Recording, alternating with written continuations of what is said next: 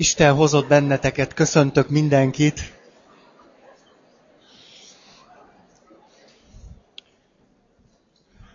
Olyan rossz érzés, hogy üres székek vannak, padok, és mint hogyha nem volna fontos, hogy jövök, de hát mindegy, majd valahogy elviselem ezt az érdektelenséget, ami körülvesz. Éppen, hogy bele csippentettünk az eredetileg negatív anyakomplexusnak a világába. Úgyhogy erről a mai napon bőségesen lesz szó. Azért nehéz erről beszélnem, mert ha valamilyen komplexus mintázatot jól ismerek belülről, a saját tapasztalataimból, akkor ez az. Tehát minden egyes mondatnál állandóan eszembe jut, hogy én hogy is vagyok ezzel, úgyhogy mielőtt ezt a hasadást megpróbálnám kikerülni, inkább majd el fogom ezt mondani hogy ezzel kapcsolatban én mit tapasztaltam, és hogy azt hogyan éltem meg. És azután megnéznénk, hogy szerintem a mai alkalommal lesz erre lehetőség, hogy az eredetileg negatív anyakomplexusnak a különböző jegyeit a spiritualitás felől egy picit megpróbálnánk értelmezni. Ez azt fogja jelenteni, hogy elég meredek kijelentéseket fogok tenni, tehát már most fölszabadítlak titeket arra, hogyha valakinek sok az, amit én mondok, nyugodtan menjen ki. Ezt a legkomolyabban. Tehát annál nagyobb, hogy mondjam, örömöm nem nagyon tud azt hiszem máma lenni, mint hogyha azt tudom rólatok, hogy olyanok vagytok, hogyha valami nektek sok, akkor elmentek. Az ember tudja megvédeni magát, és képes vagyok olyasmit mondani, ami valakinek valamikor sok azt neked nem kell meghallgatni. Állj ki magadért, védd meg magad, és mondd azt, tudd meg, hogy ez nekem sok. Látjátok, van is, aki már is elmegy. a...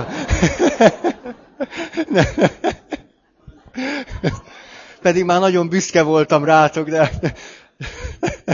de abba a kabátba, Istenem, eddig nem volt bennem együttérzés, most van.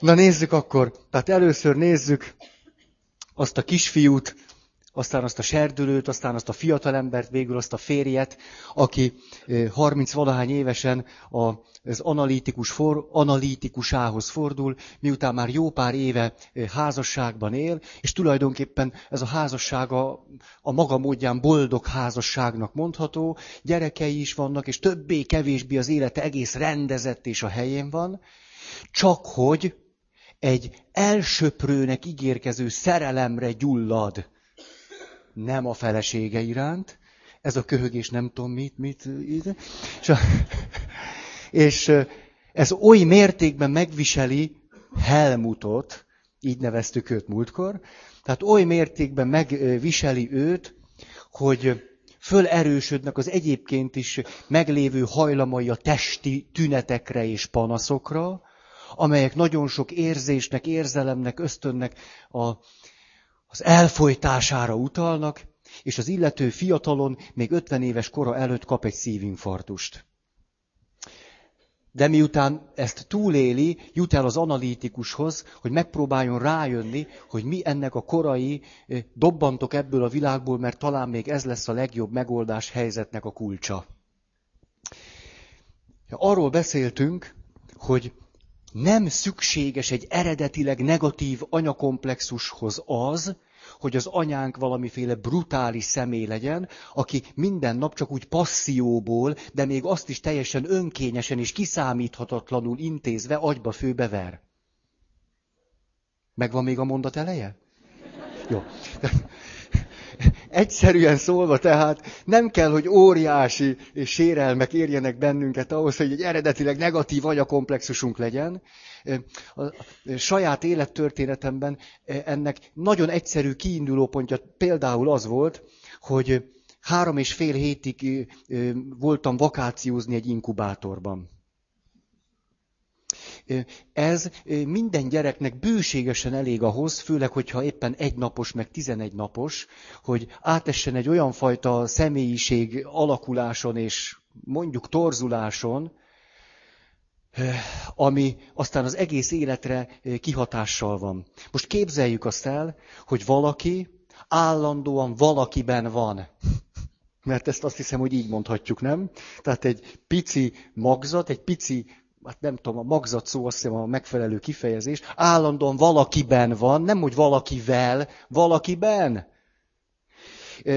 Már önmagában egy neurotizáló dolog a születés, egy olyan neurotizáló dolog, amin azonban át kell menni, és aztán, hogyha az anya gondoskodó szeretete ezt a, ezt a traumát kellőképpen és egészségesen föloldja, akkor az a rettenetes dolog, hogy világra születni, az végül az első sikeres élet nehézségeivel való megküzdésnek az élményévé válik.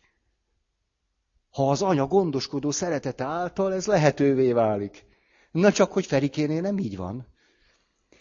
Mert hogy azon túl, ugye kilenc hónapig valakiben vagyok, azon túl a következő élményem három és fél héten keresztül, hogy senki sincs a világon. Tehát senki, hogy fekszem egy inkubátorban. Ha, és néha valami, nem tudom hogy mi történik velem. Három és fél hét inkubátort nem lehet, nem lehet, nem lehet büntetlenül. A büntetlenül szó nem egy jó kifejezés.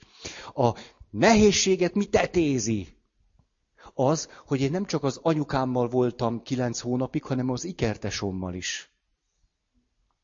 A veszteségeim sokszorozottak tehát, mert megszoktam, hogy valakiben vagyok, és valakivel vagyok.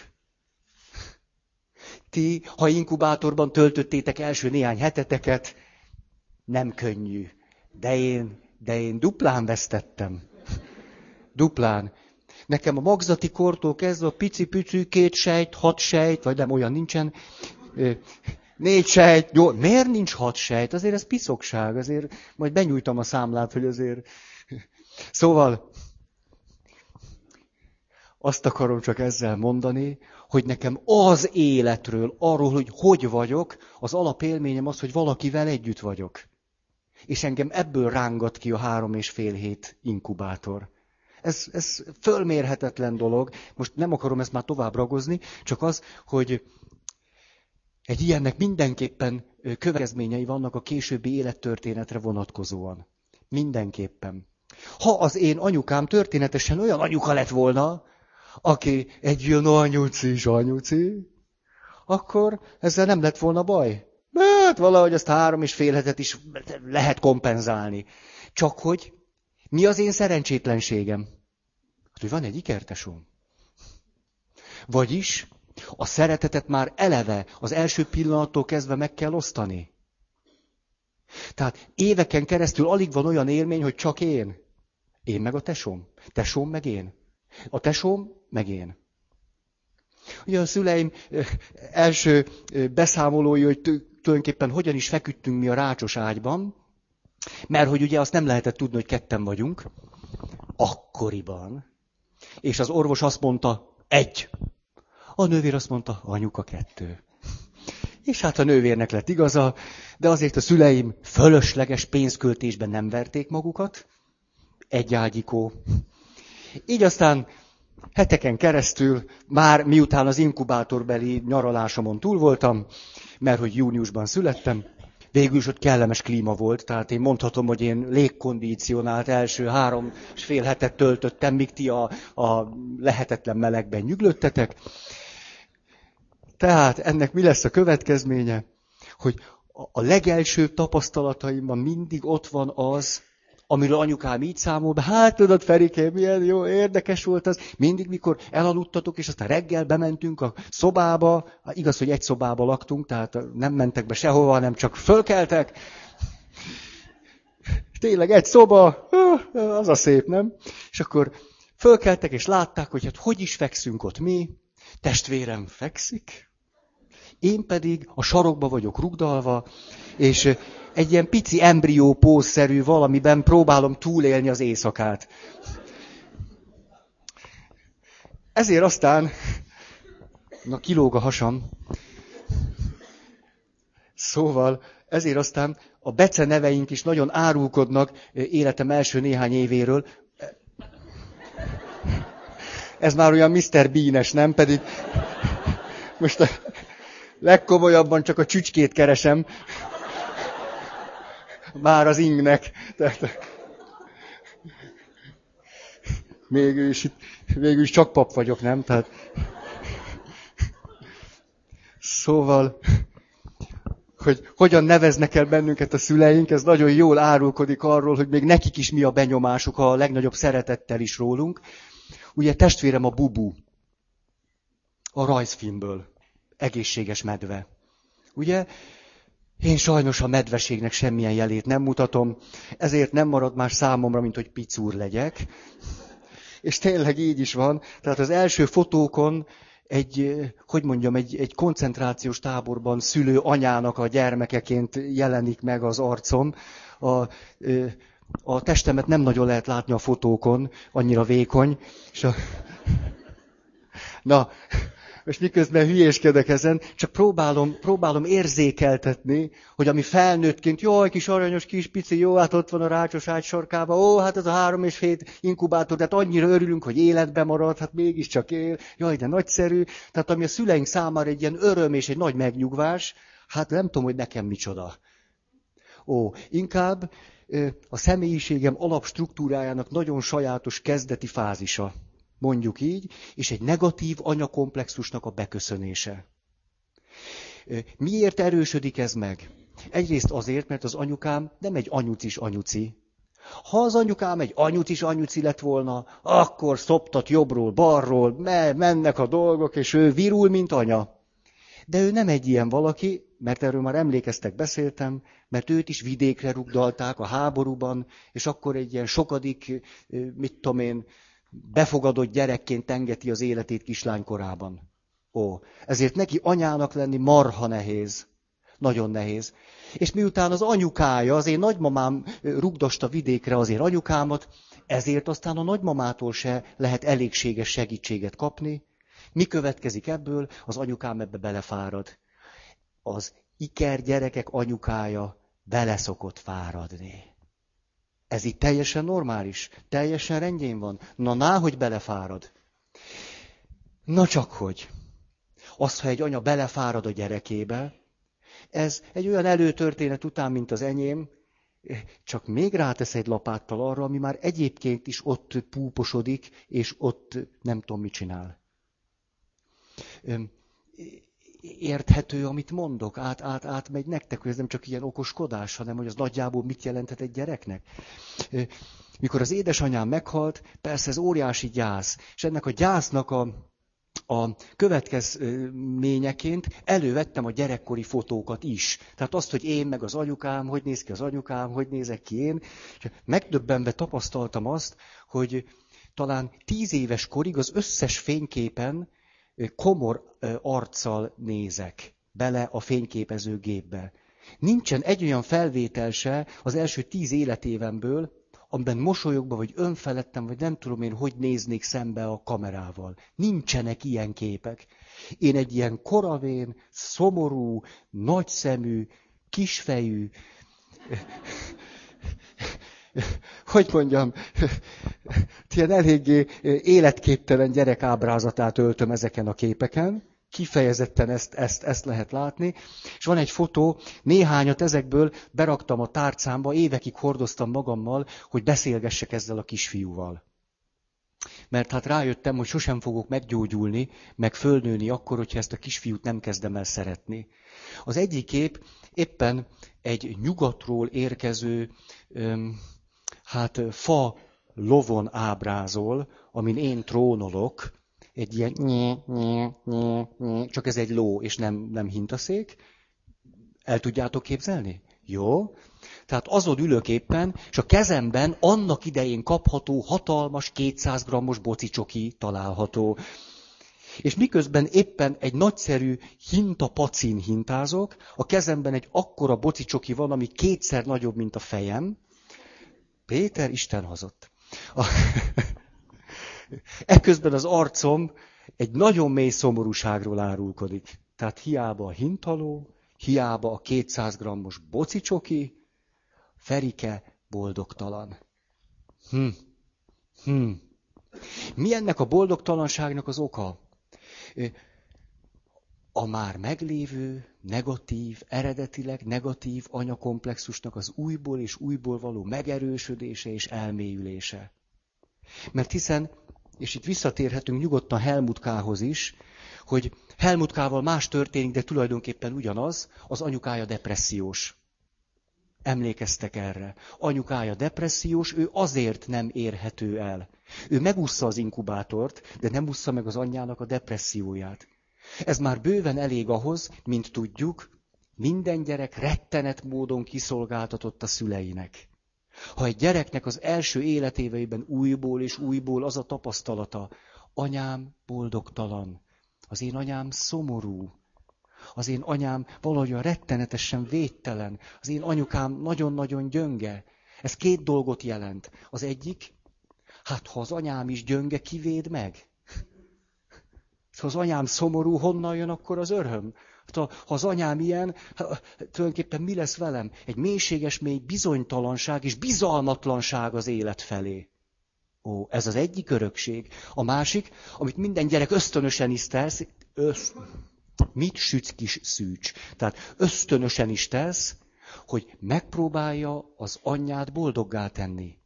Ugye, hiszen az az én életbe maradásomnak a föltétele. Ha az anyám jó lenne, jól lenne, akkor, akkor a, a számomra szükséges dolgok is megérkeznek. De, igen, ez egy gyakori csengő hang. Tehát, tehát, hogyha ha ott van az a kisfiú, mint én, ott van Helmutka, mi mást is tenne, mint hogy elkezd egyre érzékenyebbé válni. Egyre érzékenyebb, és egyre inkább, teljesen tudattalan ez, kénytelen ráhangolódni az anyukájára. Ha az anyuka egészséges és életvidám, akkor mi történik? Ráhangolódik a gyerekére. Igaz? Ő tisztában van a szükségleteivel, képes anyának lenni, megengedheti magának azt, hogy a szükségleteit itt-ott késleltesse, és ráhangolódjon a gyerekére. Amit a gyereke úgy vesz tudomásul, hogy az élet szép, ez egy bizalommal teli világ, ahol érdemes bízni, az élet tele van örömmel és nagyszerű dolgokkal, és az anyám nagyon szeret, és ez mindig is így lesz. Ugye? Ez lenne, ha az anya képes a gyerekei szükségletére hangolódni. De egy anyának, akinek iker gyerekei vannak, és plöm, plöm, plöm, plöm, plöm, plöm, az én anyukámnak ez lehetetlen volt. Ezt most már pontosan tudom. Nem volt számára ez teljesíthető feladat. De attól én még megszívtam. Itt van a Helmutka, igyekszik hallatlan módon az egész életét egyre inkább egy érzékenységbe fordítani, hogy érzékelje az anyukájának minden rezdülését, minden ki nem mondott és tudattalan fájdalmát és mindent, és megpróbálni úgy belépni az üres térbe, hogy az ő anyja mégiscsak talán egy kicsit boldog legyen. Hogy az ő anyja mégiscsak egy kicsit elégedett tudjon lenni, hogy tudjon élni, és hogyha az anyukája arcán lát valami örömet, na abból jut neki is. Hát egy gyereknek az anyukája öröméből jut valami. Um, igen.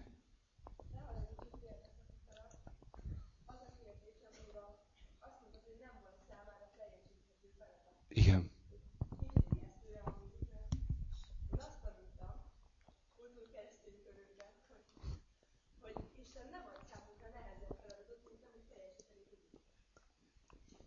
Ez így van. Aha, tehát, hogy kultúr keresztény igazságunk, az ember nem kap nagyobb feladatot, mint amit teljesíteni tud. Ez azt jelenti, hogy az édesanyám annyi feladatot kapott, amennyi teljesíteni tudott. Érthető? Nem. Azért, mert meghaladta az erőit. Azért volt lehetetlen, mert meghaladta az erőit. Nem. Ó, itt most egy, megpróbálom pusztán csak a logika eszközeivel ezt a kérdést föltárni. Tehát, az én anyukám, miből indulsz te ki? Hogy az anyukámnak annyi-annyi erőt és feladatot és készséget kellett volna kapnia, ami az én egészséges fölnövekedésemhez szükséges, ugye? Ez jelenne a mértéket nem felülmúló feladat. Azonban ez nem így van, hanem az én anyukám annyi feladatot és készséget kapott, amennyit ő képes volt megtenni, ami azonban nekem lehet, hogy kevés volt. Oké. Okay. Érthető volt nektek is? Ah. Ugye, hogy ez milyen nagy különbség? De ez nagyon izgalmas volt, látszik, ez jó van. Na tehát, a, mi tehát a, az alapvető élménye, most persze nagyon durva általánosítással, egy negatív anyakomplexussal érkező és aztán fölnövekvő gyereknek, hogyha beleszakadok is, nem tudom az anyukámat boldoggá tenni. Hogy állandóan, bár már minden érzékemmel azon vagyok, hogy boldoggá tegyem őt, amennyire én tudom, az mégse sikerül. Milyen következtetése jut egy kisfiú, mondjuk én, vagy Helmutka? Egyrészt, hogy megpróbáljon tökéletes lenni. Nem? Tehát, hogy eljusson arra, hogy hát valószínű, hogy nem tettem még meg mindent. Meg ke, még valamit meg kellene tennem, mert, mert látni való, hogy az anyukám nem boldog, ugye egy valami lehet, nem tettem meg mindent. A másik pedig, hogy természetesen felelőssé teszem magamat azért, amit tapasztalok. Vagyis, hogy nem tudom az anyámat boldoggá tenni. Tehát ez az én felelősségem, és én rossz vagyok. Én velem valami alapvető baj van, amiért ezt a egészen hétköznapi és természetes dolgot nem tudom megvalósítani. És ez már nagyon pici korban tudattalanul megjelenik. Mi történik ezekkel a gyerekekkel? Helmutkával az történik, hogy állandó gyomorpanaszai vannak. Pici korától kezdve. Gyomor és gyomor és gyomorpanaszok. Én megmondtam nektek az összes gyerekbetegség. Mindent, tehát ami kell, homloküreggyulladás, arcüreggyulladás, mellhártyagyulladás, torokgyulladás folyamatosan, didim, didim, didim, és emlékszem, ott hagytuk abba, hogy kivették a mandulámat. Ugye? És nem álmodtam semmi szépet. A fotókon a jelenlegi állapotomnál sokkal soványabb vagyok, ami azért nem kis teljesítmény, Miután tudjátok, 7 éves koromtól kezdve sportolok, ezért egy csomó lap megvan a sportkórházba, hiszen legalább évente egyszer lemérték a súlyomat, meg a magasságomat, meg vérnyomást mértek. És mikor már felnőtt voltam, és ben voltam a sportkórházban, megnéztem ezeket az adatokat. Egy megdöbbentő adatot vettem észre, azt gondoltam volna, hogy ilyen nem is lehetséges, de hát oda volt írva, hogy voltam 189 centi és 53 kiló. Az elég szép, nem? Ó, van ilyen kép, állok a, a dobogónak a tetején, ugye ilyen, hogy mondjam, súlyerő arányjal könnyű magasugrónak lenni. Ugye egy, egy jobb sportautónál is azt mondják, hogy a súly és a lóerő arány hogy viszonyul egymáshoz.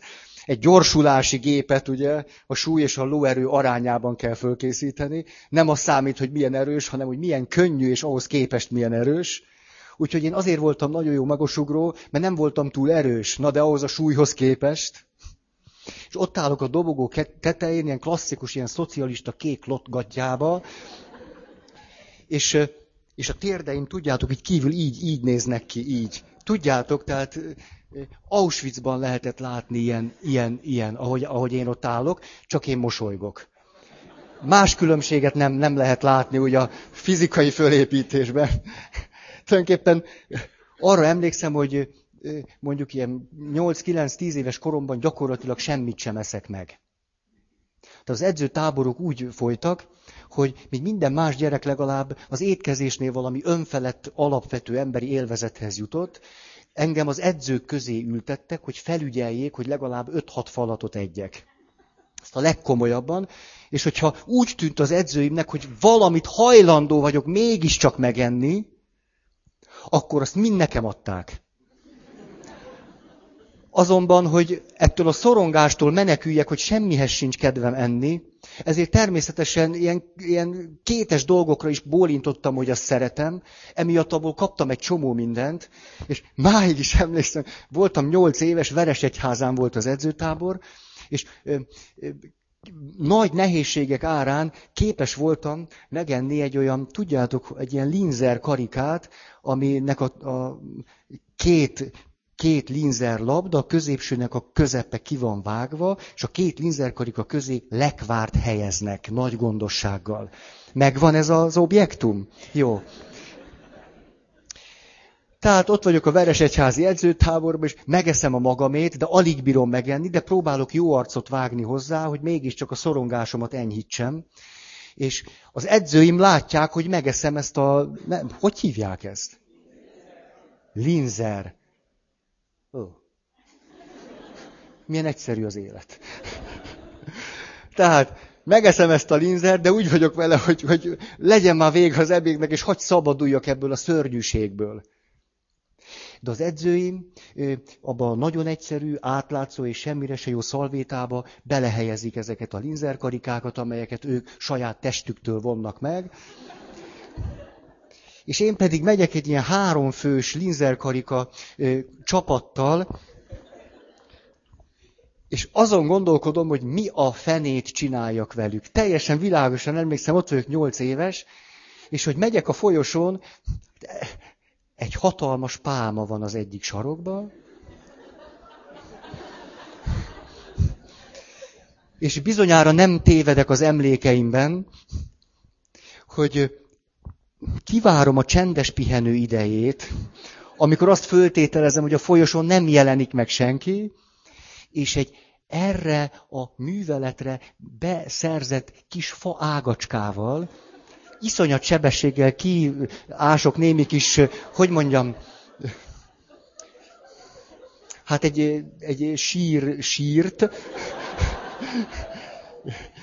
és amilyen gyorsan csak tudom, hantot, rögöt vetek a, az oda lehelyezett kis, hogy mondjam, halott linzer csapatra, és gyorsan elföldelem őket, jeltelen sírba nyugtatva őket, majd távozom, és őrzöm a 46 kilómat, ami roppant alkalmas arra, hogy érsportoló legyek. Na, a, igen, van, akinek ez volt sok. Tehát ez... Na szóval, ezt most így mókáson mondom el, de, de hát azért ennek felesett réfa.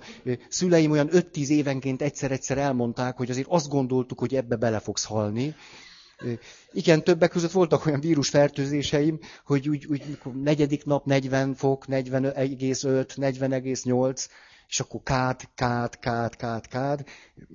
Szóval, tehát, nincs súly, nincs evés. Az evésnek ez a, ez a hihetetlen problematikája, ez, hogyha ha lélektani összefüggésbe helyezzük, hát általában mi más lenne, mint anyatéma. És itt nagyon szép valóban a kifejezés, hogy az étel meg az élet. Ugye? Étel és élet. Hogy a búzára azt mondják jobb helyeken, hogy az élet. Az élet. Tehát ha valaki képtelen enni, hát abban ez a problematika van, hogy képtelen élni. Val- valami ott az életnek a, a fakadásával, áramlásával nem stimmel. Hát ez rám maximálisan érvényes volt érvényes most is. Na, tehát rengeteg szorongás. Miért van ilyenkor rengeteg szorongás? Erről már beszéltünk, mert egy teljesíthetetlen feladat előtt állok, az anyukámat kellene boldoggá tenni ahhoz, hogy én a számomra szükséges érzelmi javakhoz hozzájussak, anyukám szeretetéhez és gondoskodásához, de ezt Természetesen nem tudom megtenni. Mi más is lenne benne, mint érzékenység és szorongás és ö, üres gyomor. Egyébként én ezt nem éltem meg rosszul, csak úgy mondanám. Nem küzdöttem az éjségtől. Az életre való ilyen sajátos képtelenség éppen abban is fakad, hogy nem vagyok éhes. Tehát, hogy jó, jól meg vagyok üres gyomorral is. Na most, ehhez Helmut Kánál is hozzájárul az, hogy az apát meg nem lehet zavarni. Ugye az apa dolgozik a bányában, vagy akárhol, az én apukám ugye pilóta, nem nagyon lehet elérni. Tehát egy negatív anyakomplexusú kisgyereknél eredetileg nagyon nagy lehetőség volna, hogy az apával egy szoros közvetlen viszony. Á, de hogyha nem elérhető érzelmileg az apa, marad a magány. Én tulajdonképpen szinte újból és újból ebbe a magányba süppedek vissza.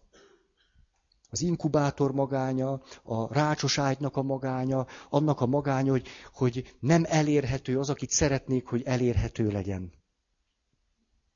Ez. Közben szorongás amiatt, hogy én nem csinálok valamit jól, és beindul egy másik kör, megpróbálni a teljesíthetetlent, hogy lehet valakit, akit szeretek, most az anyukámra mondom ezt, és persze aztán az apukámra, hogy lehet, hogy lehet őket megpróbálni valahogy boldoggá tenni? Persze önös érdekből, hogy aztán rajtuk keresztül jusson nekem is, és tudjak élni. Hát hogy is lehet? Az összes késztetésemet vissza kell fogni. Nem? Hát nem azzal szoktuk egymást nagyon zavarni, hogy valamihez kedvünk van. Valamit valahogy szeretnénk. Ez már is konfliktust hoz kettőnk között. Hmm. Legjobb módszer lemondani. De a leges legjobb módszer mindenről lemondani.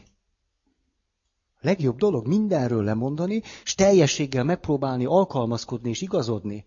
Akkor, nagyon köszönöm András, akkor nincsen konfliktus. Ha sikerül teljesen lemondanom magamról, talán még az anyukám boldog lesz. Nem? Hát ha én sírok és toporzékolok, hogy most a, a műanyag vonatot akarom, az anyám még boldogtalanabb lesz, nem? Mondom én ez gyermeki fantáziából most. Tehát vissza kell, vissza kell szorítani a szükségleteket, beleértve az összes ösztönkésztetést. Marad az 53 kiló? Ah, 189 centi ez. Na most, ha tovább megyünk, egy egy alapélményemet hagy meséljem el, ami nagyon jól kifejezi azt, hogy mit jelent egy negatív, eredetileg negatív anyakomplexusos kisfiúnak a, a világa. Mikor megtörtént az a mandula műtét, a, egyébként kicsit most rengeteget beszélek most magamról, ez, ez, az ennyit nem akartam. Haj, most mindjárt kicsit lehiggadok, és akkor maradunk a témánál. De azért ezt még elmondom. Tehát Mandula műtét után szüleim azt mondják, hát Gergő, Feri, tesómnak is kivették a manduláját. Hát végül is, ha már ott vagyunk, nem most. Hát az lenne tulajdonképpen most a legjobb, hogyha miután megettétek három-négy napi keresztül azt a rengeteg csokifagyit, amit egyébként nem szeretek, akkor nem szerettem. Én még a csokifagyit se szerettem. Azért ez már durva, nem? Valójában nem szerettem a csokifagyit, se. És azt mondják szüleim, hát Ferike, Gergő, Bubu és Picúr, hm, mert hát így mondják, ha már fölkelhettek az ágyból, és kimehettek, mert hát mégiscsak hűvös van, meg minden, elmegyünk valahova, és kérhettek valamilyen ajándékot. Ah, mert hogy olyan hősiesen bírtátok a műtétnek a megpróbáltatásait. Hát én nekem öt éves koromban már rengeteg tapasztalatom van, hogy mit jelent hősiesen bírni az élet megpróbáltatásait, tehát ez sem esett nehezemre. Mi történik? Hát a tesóm, mert hogy sokkal egészségesebb és normálisabb, ezért aztán az első boltba lát egy nagyszerű majmot. Nem igazi majmot, hát a diktatúrában vagyunk, akkor nincsen igazi majom Magyarországon, hanem játékmajom. Ez a játékmajom egy ilyen nagy, még még most ilyen, ilyen. Na de hol van a vége? Tehát a mikrofon a vége. Azért ez egy öt éves kisfiúnak igazi-igazi. Azóta is emlékszem, hogy elneveztem Majmócának, és ez egy jó pofa név, de nagyon aranyos volt. Nagyon-nagyon, mert vagy 20 éves volt, mikor azt hiszem kidobta, akkor már nem volt szüksége rá. És a... Na, ott van ez a majmóca, tényleg marha aranyos, meg minden, és, de hát a tesóm teljesen beleszeretett ebbe a majmócába, és azt mondta, én nekem ez kell. Máig emlékszem ott öt évesen, hogy föl, föl merül azért bennem, hogy tulajdonképpen ez nagyon aranyos ez a majmódszer. Szóval, hogy, hogy tesómnak is, én nekem is jó lenne egy ilyen, de hát messze nem olyan elsöprő a vágyakozást, mint a testvére egészséges természetéből. Bemegyünk a boltba, szüleim természetesen, hogy az ikreknek nehogy valami igazságérzet sérülménye legyen, két majmócát akarnak venni, de csak egy van.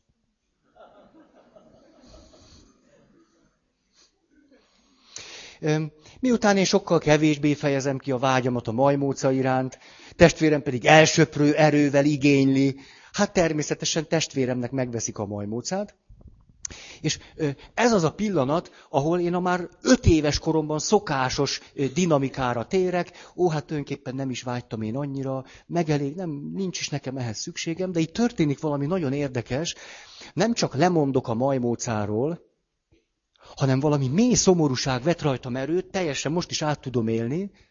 Ez a szomorúság pedig valami olyasmi volt, hogy tulajdonképpen nem a majmócára vágyom. Szóval egyszer csak ott megéltem azt, amit most már meg tudok fogalmazni, hogy anya, te kell lesz, meg apa. Mit tudom én, adjatok öt puszit, vagy, vagy játszunk, vagy nem, öleljetek át, vagy valami ilyesmi. Hogy tulajdonképpen dehogy a majmóca. Tesómnak elég volt a majmóca, mert ő neki pozitív anyakomplexusa lett. Ó, kevesebb inkubátor. A, ő neki, ő jól el volt a majmócával, de nekem az anyám kellett volna. De hát hol vagyok én ahhoz, hogy ezt ki tudjam fejezni? Ugyan már fényévekre vagyok. Mi maradt tehát ebben a helyzetben? Hogy lemondok a majmócára, és mondom a szüleimnek, hogy tulajdonképpen én nem kérek semmit. És ez igaz is. Ez igaz is. Itt van egy, megint egy lemondás valamiről, már egyáltalán, ha tudom, hogy mire is vágyok, de itt legalább sejtésszerűen megvan, és teljesen pontosan fejezem ki a szüleimnek, hogy tulajdonképpen én, nekem nem is kell a majmóca. Hogy tulajdonképpen nem azért vagyok szomorú, mert nincs majmóca, és higgyék el, hogy tényleg nem kérek semmit. Persze azt nem tudom kifejezni, hogy mit kérek. De azt biztosan tudom, hogy nem a majmócára van szükségem. És a szüleim pedig, látszik, hogy ilyen rettenet zavarban vannak, mert a tesóm önfeledten játszik egy nálánál picit nagyobb majommal, és ez kifejezetten boldogságot csal az orcájára. Én meg ott állok egy ilyen szomorú tekintettel, és hát mi másra gondolnának a szüleim, hát hogy nem kapott majmot. Tehát mondhat akármit, hát pontosan tudjuk, hogy mire vágyik, a majomra.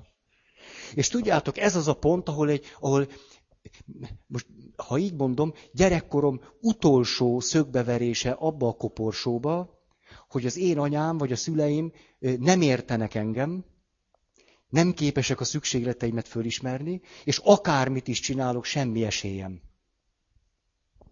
Ez öt évesen. Ott már szinte vége volt ennek az egésznek. Ott megszületett bennem egy lemondás, de persze lemondás miről is, meg se tudtam volna fogalmazni, hogy miről. De persze azt gondolom, hogy ha az anyukám olyan igazi, boldog, szeretetteljes arccal ad öt puszit, vagy mit tudom én, vagy ott, ott nem tudom, na. Akkor, akkor valami másképp lehetett volna, de hát miért is látták volna, vagy ismerték volna ezt a szükségletemet föl. Ezért aztán hosszú-hosszú unszolás után elmentünk egy másik boltba, és a szüleim mindenképpen szinte kényszerre rám erőltettek egy oroszlánt. Na most ez az az oroszlán, amit sose szeretek. Tehát ugye egy ilyen oroszlánt az ember nem bír megszeretni. Hát mi közöm nekem ehhez az oroszlánhoz? Semmi. Nagyon aranyos oroszlán volt egyébként, évekig megvolt, kerülgettem. Mint a múlhatatlan boldogtalanságom és meg nem értettségem jelképét. De hát volt, legalább az volt. Nem, kifejezetten nem szerettem, de hát mindegy, végül is nem, hogy mondjam, nem kért enni, tehát azért ugye el, el volt a szobába. Na, ez öt évesen. Öt. Öt. Azt mondja, ami Helmutnál, és az anyukámnál is, a, hozza a, a, a rettenetes paradoxont ez az, hogy közben Helmutkáért él az anyukája. Tehát az anya meg úgy éli ezt meg, hogy én mindent megadok Helmutkának, amit csak tudok. És így is van. Ami az ő depressziójából kijön, azt megadja. Az én anyukám is újból és újból ezt mondja, amikor 30 fölött voltam, akkor is mondta, Ferikém, Gergőkém, tudjátok, hát én értetek élek. Ti, ti vagytok, más e, e, ezen a világon tulajdonképpen hozzátok fogható nincs, ti számítotok. Ó, hát ez benne aztán a gyerek felé nézve a még rettenetesebb paradoxon. Hogy egy olyan, olyan valaki felé kellene akkor kifejezni egy csomó mindent, aki egyébként is már értem él. És egyébként is mindent megtesz, amit megtud. Ha, ez tehát egy lehetetlen helyzetet eredményez. Na most. Igen. A, ugye miután nincsen a szükségletekre való elégséges ráhangolódás, ezért van rengeteg szorongás, de van egy csomó kényszer, hogy megfeleljek. Ennek mi lesz a következménye? A lemondás. Lemondás, lemondás, lemondás, rengeteg lemondás. Ugye, hogy mégiscsak a lehető legkisebb zavart vagy bajt okozzunk. Mert akkor talán az anyánk boldog lesz. Emlékszem, ö, ö, talán hat éves voltam, autóval mentünk, nem volt autónk, ö, de ö, valaki éppen vitt bennünket, és ö, hát egy kicsi gyerek, én kiszálltam az autóba, és ott fogtam meg az, au, az autónak a, a szélét, hogy a sofőr rácsukta az ajtót, és ott volt a kezem. És képzeljétek el, hogy hat éves koromban a so, hát az akkora erővel csukta be, amilyen erővel egy, aj, egy kocsi ajtót beszoktunk csukni. És én ezt kibírtam anélkül, hogy felsziszentem volna. Csak hát iszonyatosan elkezdett vérezni, meg földagadni az ujjam, meg kék és lila lett rögtön, és úgy mukkanás nélkül mentem az anyukámhoz, hogy hát sajnos ez történt. És emlékszem, hogy évekig a szüleim fölidézték ezt az élményt, hogy, hogy de, de hogyan, és ez megint egy nagyon érdekes dolog lesz majd egy órával később, hát az, az már egy hét múlva lesz, tehát egy hét meg egy óra múlva elmondandó témánkhoz, hogy itt azonban egy nagyon sajátos út kínálkozott, ez pedig az, hogy ha elég lemondó vagyok, ha elég aszketikus vagyok, ha eléggé befogom a számat, már abból a szempontból, hogy szükségletek, fájdalmak, ösztönök és a többi, tulajdonképpen ezért dicséretet kapok. Ó, hát akkor mégiscsak van egy útja annak, hogy a szüleim boldogok legyenek? Hogy örüljenek? Úgy tűnik, hogy van akkor a lemondás az mégiscsak egy jó út. Nem nyikkanunk meg, nem panaszkodunk, nem, nem, nem. Valahogy bírjuk az életet a szorongásokkal együtt, a félelmekkel, sok minden zavarral, de lehetőleg próbálunk úgy létezni, hogy ne legyen velünk baj. Már hogy velem. Ugye? Mert hogy ennek kapcsán jönnek a megerősítések. Hát Helmutka is így van ezzel. Ami hiányzik most a személyességen túl, amit Verena Kászt újból meg újból így mond, az óceánérzés. Nincs óceánérzés. Nincs. Nincsen. Nincsen. Lemondás van. A, annyira bennem van, voltam körülbelül 25 éves. Mindig a vágyaimban ott volt, hogy milyen iszonyatosan jó azoknak a rettenetesen gazdag embereknek, akiknek van gumicsónakjuk. Nekünk még olyan, mi az gumimatracunk se volt soha, pedig az is egy jó buli. De hát voltak gazdagok, elérhetetlen, csodás életet élő e- személyek, akik gumimatracsal rendelkeztek. És emlékszem, 20-25 év úgy van, első éves papnövendék voltam.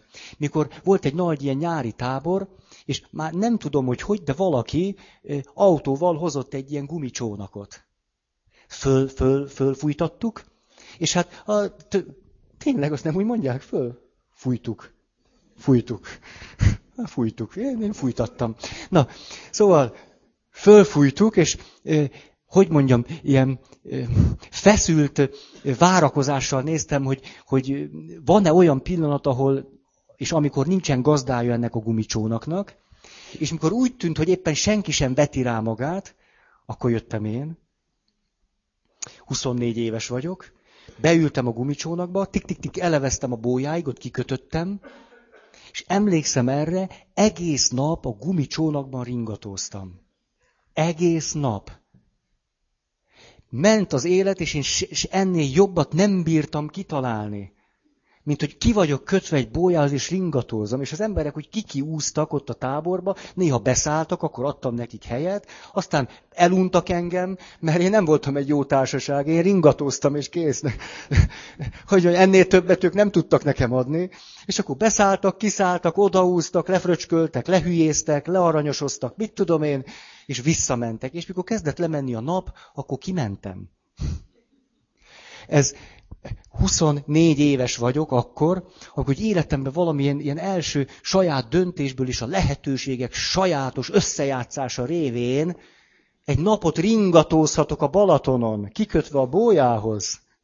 De ez nekem elemi élmény, ami egy pozitív, anyakomplexusú gyerek számára maga az evidencia. Csak csettintenie kell, és itt van benne, és teljes természetes. Hó, nekem nem. Nem. Én még most is, 42 éves vagyok, megyek valami boltba, vagy nem tudom mi, meg szoktam nézni a gumicsónakokat.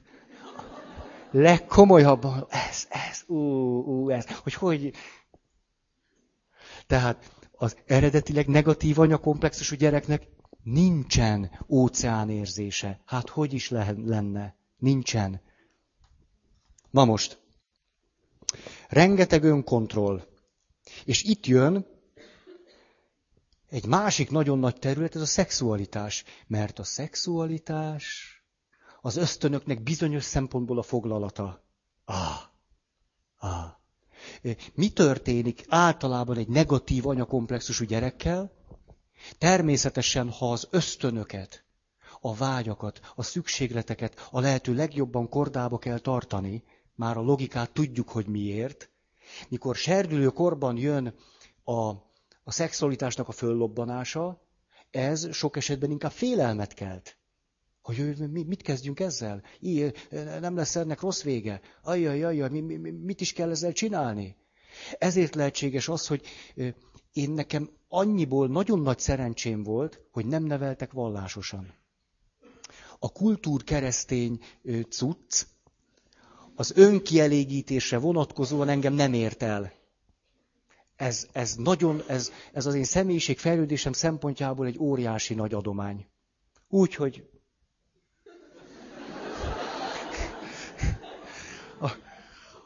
ha engem kultúr keresztény módon vallásosan nevelnek, nem biztos, hogy itt lennék.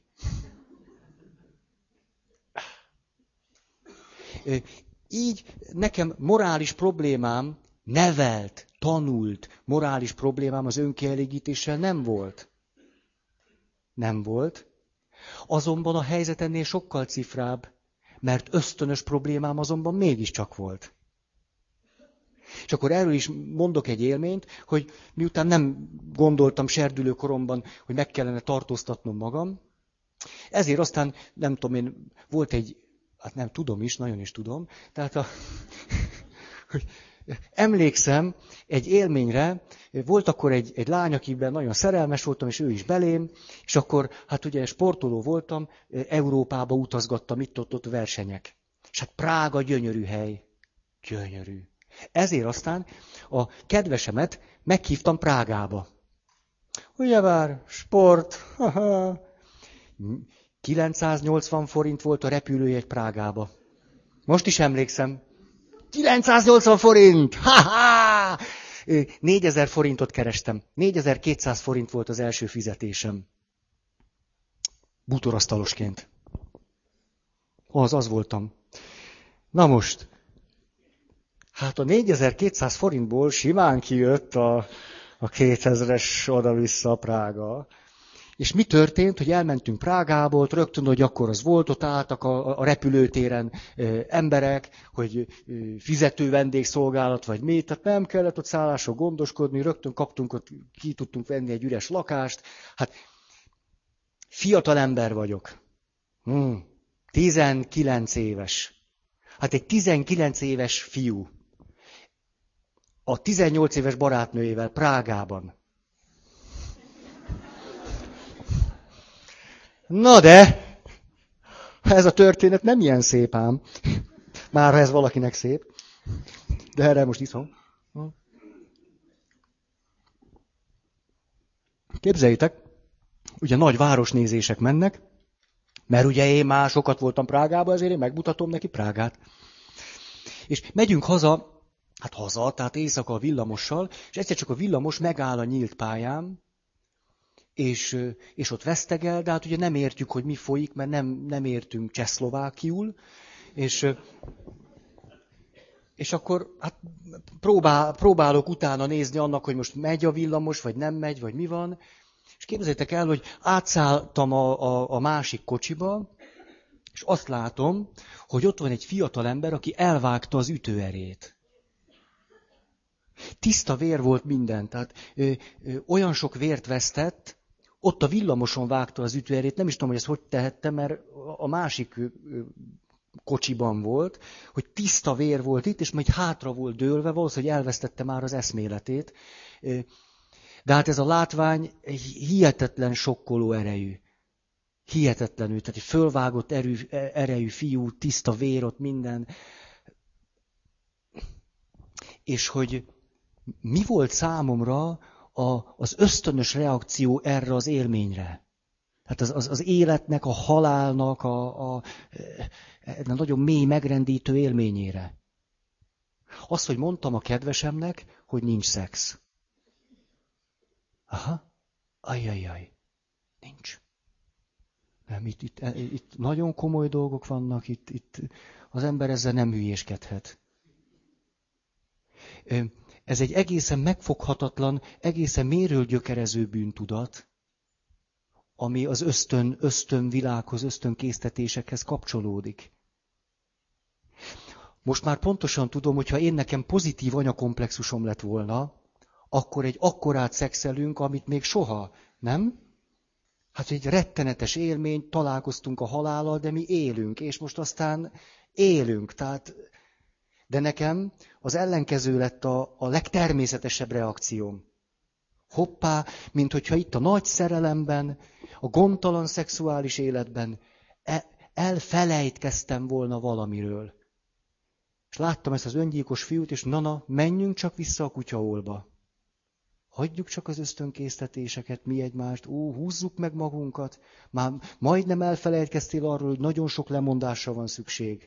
Különben sosem érdemlet ki az élethez való jogot. Valami ilyesmi. Tulajdonképpen meg vagyok döbbenve, hogy a barátnőm ezt hogy bírta. Nem, nem, nem szólt semmit. Hát al, aludt. Hát aludt szegény. Hát hogy szólt volna? Hát aludtunk. Hát legalább aludtunk az is valami. Ezt az élményt nagyon őrzöm magamban, mert vallásos nevelésen kívül is természetesen nagyon méről a szexualitáshoz, az ösztönkésztetésekhez társulhat egy bűntudat. Éppen mindaz, ami az életnek a természetes erejét és gyökerét adná, az kerül tiltás alá. Azért, hogy az életet megnyerjük. Óriási ellentmondás. Hogy lehet úgy az életet megnyerni, hogy közben az életet teljesen próbáljuk eltüntetni magunkból annak a természetes erejét és gyökereit? Szerintem sehogy. De erre csak később jöttem rá. Na. Emlékeztek a, az ere... Hú, most tényleg egy picit, nem, nem tudom, hogy ez most már sok vagy nem, vagy... De az biztos, hogy most lesz egy képetek az eredetileg negatív anyakomplexusról. Azt tudni. Na most. Hm. A, az eredetileg pozitív anyakomplexusnál ugye azt mondtuk, hogy mi a probléma. Nem válik le az anyáról. Ugye senki sem szereti azt a fiút még 50 évesen se. Mint, mint, mint az anya, ezért aztán például sosem házasodik meg. Ugye? Nem tud leválni az anyjának a szeretetéről, ami vagy valós, valós, valós szeretet, vagy egyszerűen csak hát egy ilyen belső világból fakadó kötelék, hogy én meg az anyám. Közben már rég mit tudom én, mi van köztük, de nem baj, belül az még hordozza. Ugye ezért nem születik meg. Emlékeztek, ez a főcím, a személyiség születése és a valódi emberi kapcsolatok. Egy eredetileg pozitív anyakomplexusú fiú érzelmileg adott esetben sosem válik le az anyukájáról. Most mondhatnánk azt, hogy az eredetileg negatív anyakomplexusú fiúnak sokkal könnyebb a dolga, mert nincs is kapcsolata az anyukájával, legalábbis olyan életet adó, termékeny, jó értelemben virágzó, olyan nincs. De a helyzet nem így van. Ó, az élet senkit sem kímél meg attól, hogy megszülessen. Ugyanis ilyenkor az eredetileg negatív anyakomplexusú fiú ugyanúgy az anyukájánál marad, csak egy folyamatos lemondásban. Ő úgy tartozik az anyukájához, hogy folyamatosan lemond.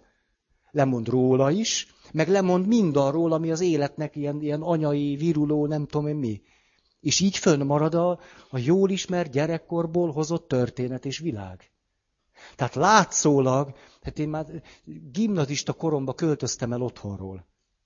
Hát húsz évesen hetet határba voltam. Ugye hát nem volt kötődés. Hát akkor mit, mit maradtam volna otthon?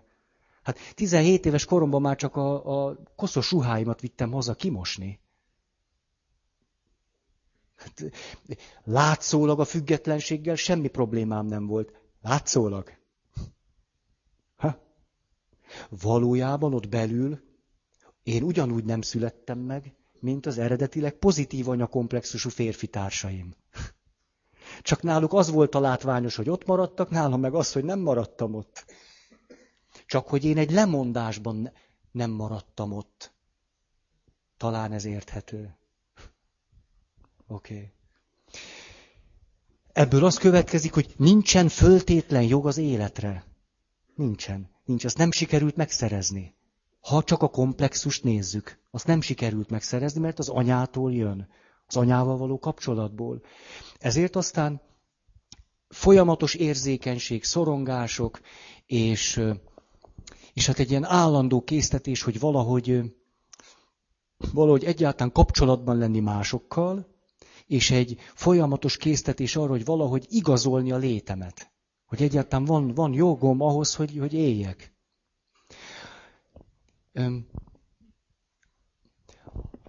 Ebből a szempontból az én nagy mázlim a spiritualitásnak a serdülőkori beköszönése. Ugyanis a spiritualitás alkalmas arra, hogy áttörje a komplexusnak egy csomó kötöttségét. Alkalmas rá.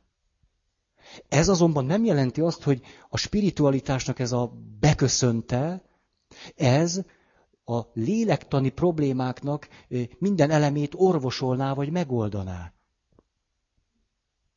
Tehát a spiritualitás, amikor beköszönik valakinek, beköszönik, ez jó, ez milyen érdekes, ez, beköszön valakinek az életébe, akkor egyrészt azzal a valósággal jön, hogy túl tud mutatni a komplexusos mintázaton, ettől tud olyan iszonyatosan e- erős lenni és, és gyógyító erejű, másrészt pedig állandóan föl is veszi a komplexusnak a jellegzetességeit. Túl is mutat, de föl is veszi, föl is veszi, és túl is mutat. Így akarunk majd most elérkezni ahhoz, amire mondtam, hogy ha ezt valaki nem fogja bírni, az menjen ki. Ó, mert lesz egy-két megjegyzésem itt a spiritualitásra vonatkozóan. Milyen ember válik Helmutból? Hú, látom, fáradtok, vagy nem is tudom. Inkább az, hogy eddig nagyon feszültem, figyeltetek. Igen, és most akkor egy kicsit lehet pihenni. Hagyjak egy-két percet? Jó van. Szóval, felnőttként Helmut, hát mi más is lenne, mint megbízható, érzékeny a feleségére, egy jó apa, szükségleteit, ösztönkésztetéseit természetesen kordában tudja tartani. A felesége mindig biztosan számíthat rá. Ilyen igazi, mint hogy egyszer valaki egy ilyen emberről mondta, olyan, mint egy, egy erős tölgyfa. Ú, hát mint hogyha semmi őt ki nem, ki nem mozdítaná, meg nem rendíteni, csak éppen belül mi van. Látszólag minden nagyon jól tud menni, Belül azonban egy csomó, csomó szorongás, egy csomó félelem nem oldódik föl Helmutnál. Nem tett még semmit ezzel a mintázattal.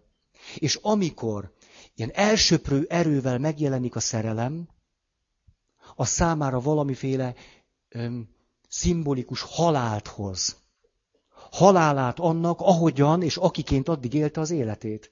Ha most életében először ösztönösen és önfeledten átadja magát egy ösztönkésztetésnek, és átéli, hogy az elsöprő erejét, hogy, hogy kellek, és mit tudom én mi, akkor meg fog halni az a Helmut, aki addig volt. Ugye? De hát közben ott a feleség. Ott vannak a gyerekek, megtestesítik azt az egész, egész világot, amiből érkezik, és hát még egy csomó minden mást. Ez egy rettenetes dilemma. Helmut mit tesz ebben a rettenetes dilemmában, hogy ha most pusztán csak a személyiség fejlődésnek a természetes irányát nézzük, át kellene adnia magát a szerelemnek. Óriási lépés lenne.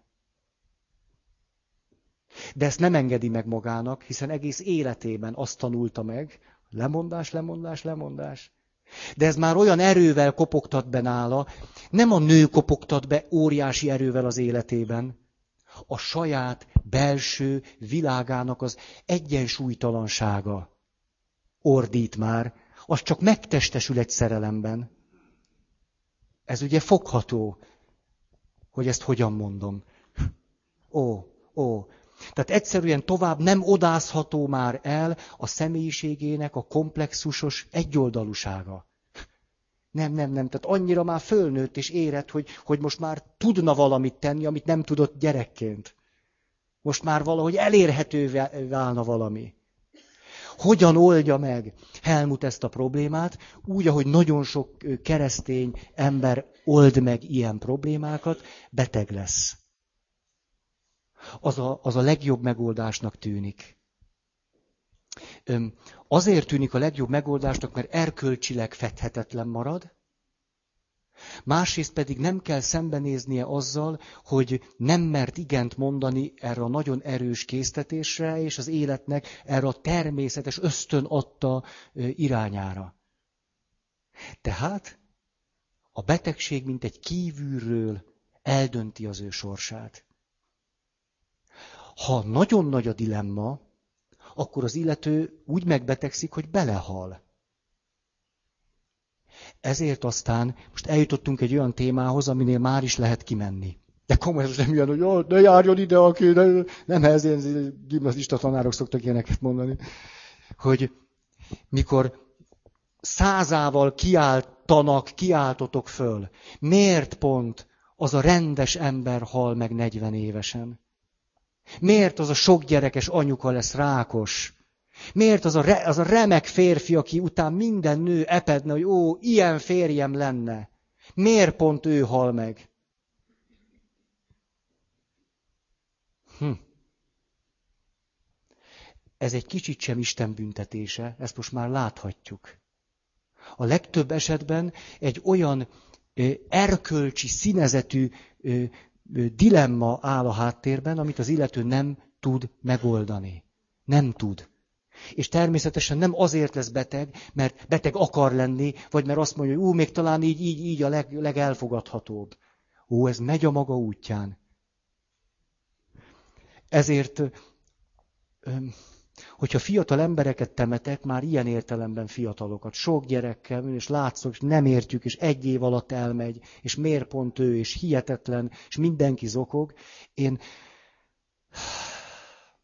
Tudjátok, ott állok a ravatalba, és azt mondom, Istenem, bár csak ne tudnám, amit tudok. Ezt, ezt szoktam gondolni. Hogy fogok én most erről beszélni? Mit, mit, mit mondok erről? Ha elmondom, amit gondolok, és nem azért nem kell, hogy nálam gyónjon, vagy mit tudom én, hogy én bármit is ismerjek. Ó, rettenet rosszul szoktam lenni ezektől a helyzetektől. Hogy tudnám a negyedét, akkor tudnék, mit tudom én, csak úgy szépeket mondani. Hm. Ezért érdemes a személyiségnek megszületni, hogy ne kelljen neki meghalni. Érdemes neki megszületni, hogy ne kelljen meghalni. Ezért lehetséges az, hogy éppen a jók mennek el, ahogy ezt szokták. Miért pont ők? Most azon túl, hogy ez egy teljesen szubjektív látás. Ugye, mert a rosszak mennek el, fütyűrünk rá. De egy jó elmegy, akkor meg jön ez, hogy miért pont a jó. Meg van az a lehetetlen ének is, ugye? Hát ismeritek, hogy miért pont a jók mennek el? Ez van benne. Ó, hát azt csak ne halljam. Hát hol tartunk? Most nézem, hol tartunk?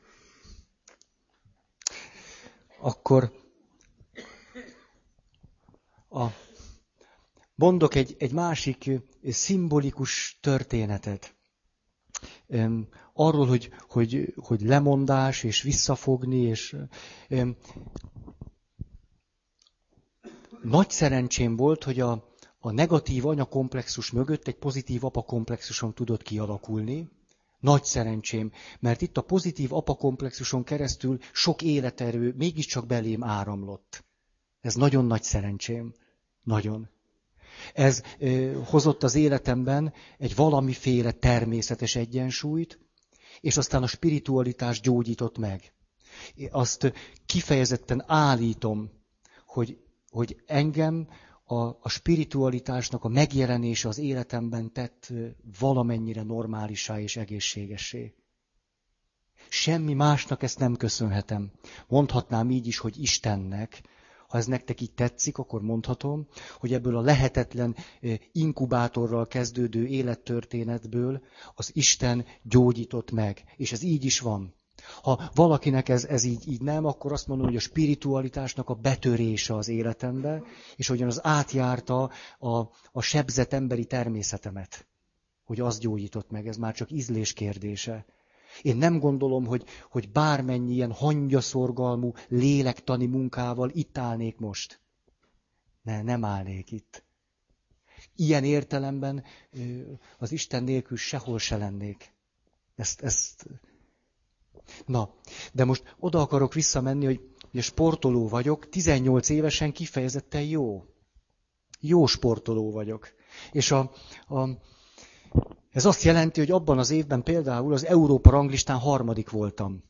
Magasugróként. Hát ugye a súly meg a lóerő arány az még mindig jó. És, a, és ott voltunk Bulgáriában egy európai versenyen az összes szocialista ország magasugrói vannak ott, és hát ugye akkoriban nagyjából ők jelentették egyébként Európa élvonalát. Úgy magunk között szólva, mert az még az a világ. Tehát a bolgárok, az oroszok, a lengyelek, a magyarok, és akkor... Na mindegy, tehát ott vagyunk, és ez a, a, az Európa bajnoksághoz fogható verseny volt ténylegesen. És a, mi történik? hogy van 40 fok, Bulgáriában vagyunk, augusztus. Irgalmatlan meleg van, és ugye egy jó magyar csapat van, és akkor fölmerül az, hogy na, hogyha vége lesz a mai napnak, akkor hogyan fogunk mulatni. Ja, és akkor persze van, aki mondja, hogy ő hoz bort, meg nem tudom micsoda, de hát, hogy kellene üdítő is, és miután én egy ilyen aszkéta vagyok, hát én, nekem is fölcsinál a szemem, hogy azért legyen valami üdítő is, mikor este bulizunk. És a 40 fokba a saját versenyemnek a napján képes voltam egy órát, vagy mit tudom, három órát bolyongani, hogy elmenjek fantát venni, most is emlékszem, ilyen kis, kis üveges fantákat lehetett kapni. Vettem bőle, mit tudom én, 18-at, hát egy egész csapatról kellett gondoskodni. És a 40 fokba így, így, így életem legnagyobb versenyének a kora délutánján, akkor mindenki más, értitek, tehát a gyúrónál fekszik, meg relaxál, meg mi, Ugye hát egy eredetileg negatív anyakomplexusra bármit. Tehát ez, ez, és, és mi történt? Azt hogy beszálltam a liftbe, tudod, így, így, és következő emeleten beszállt az edzőm.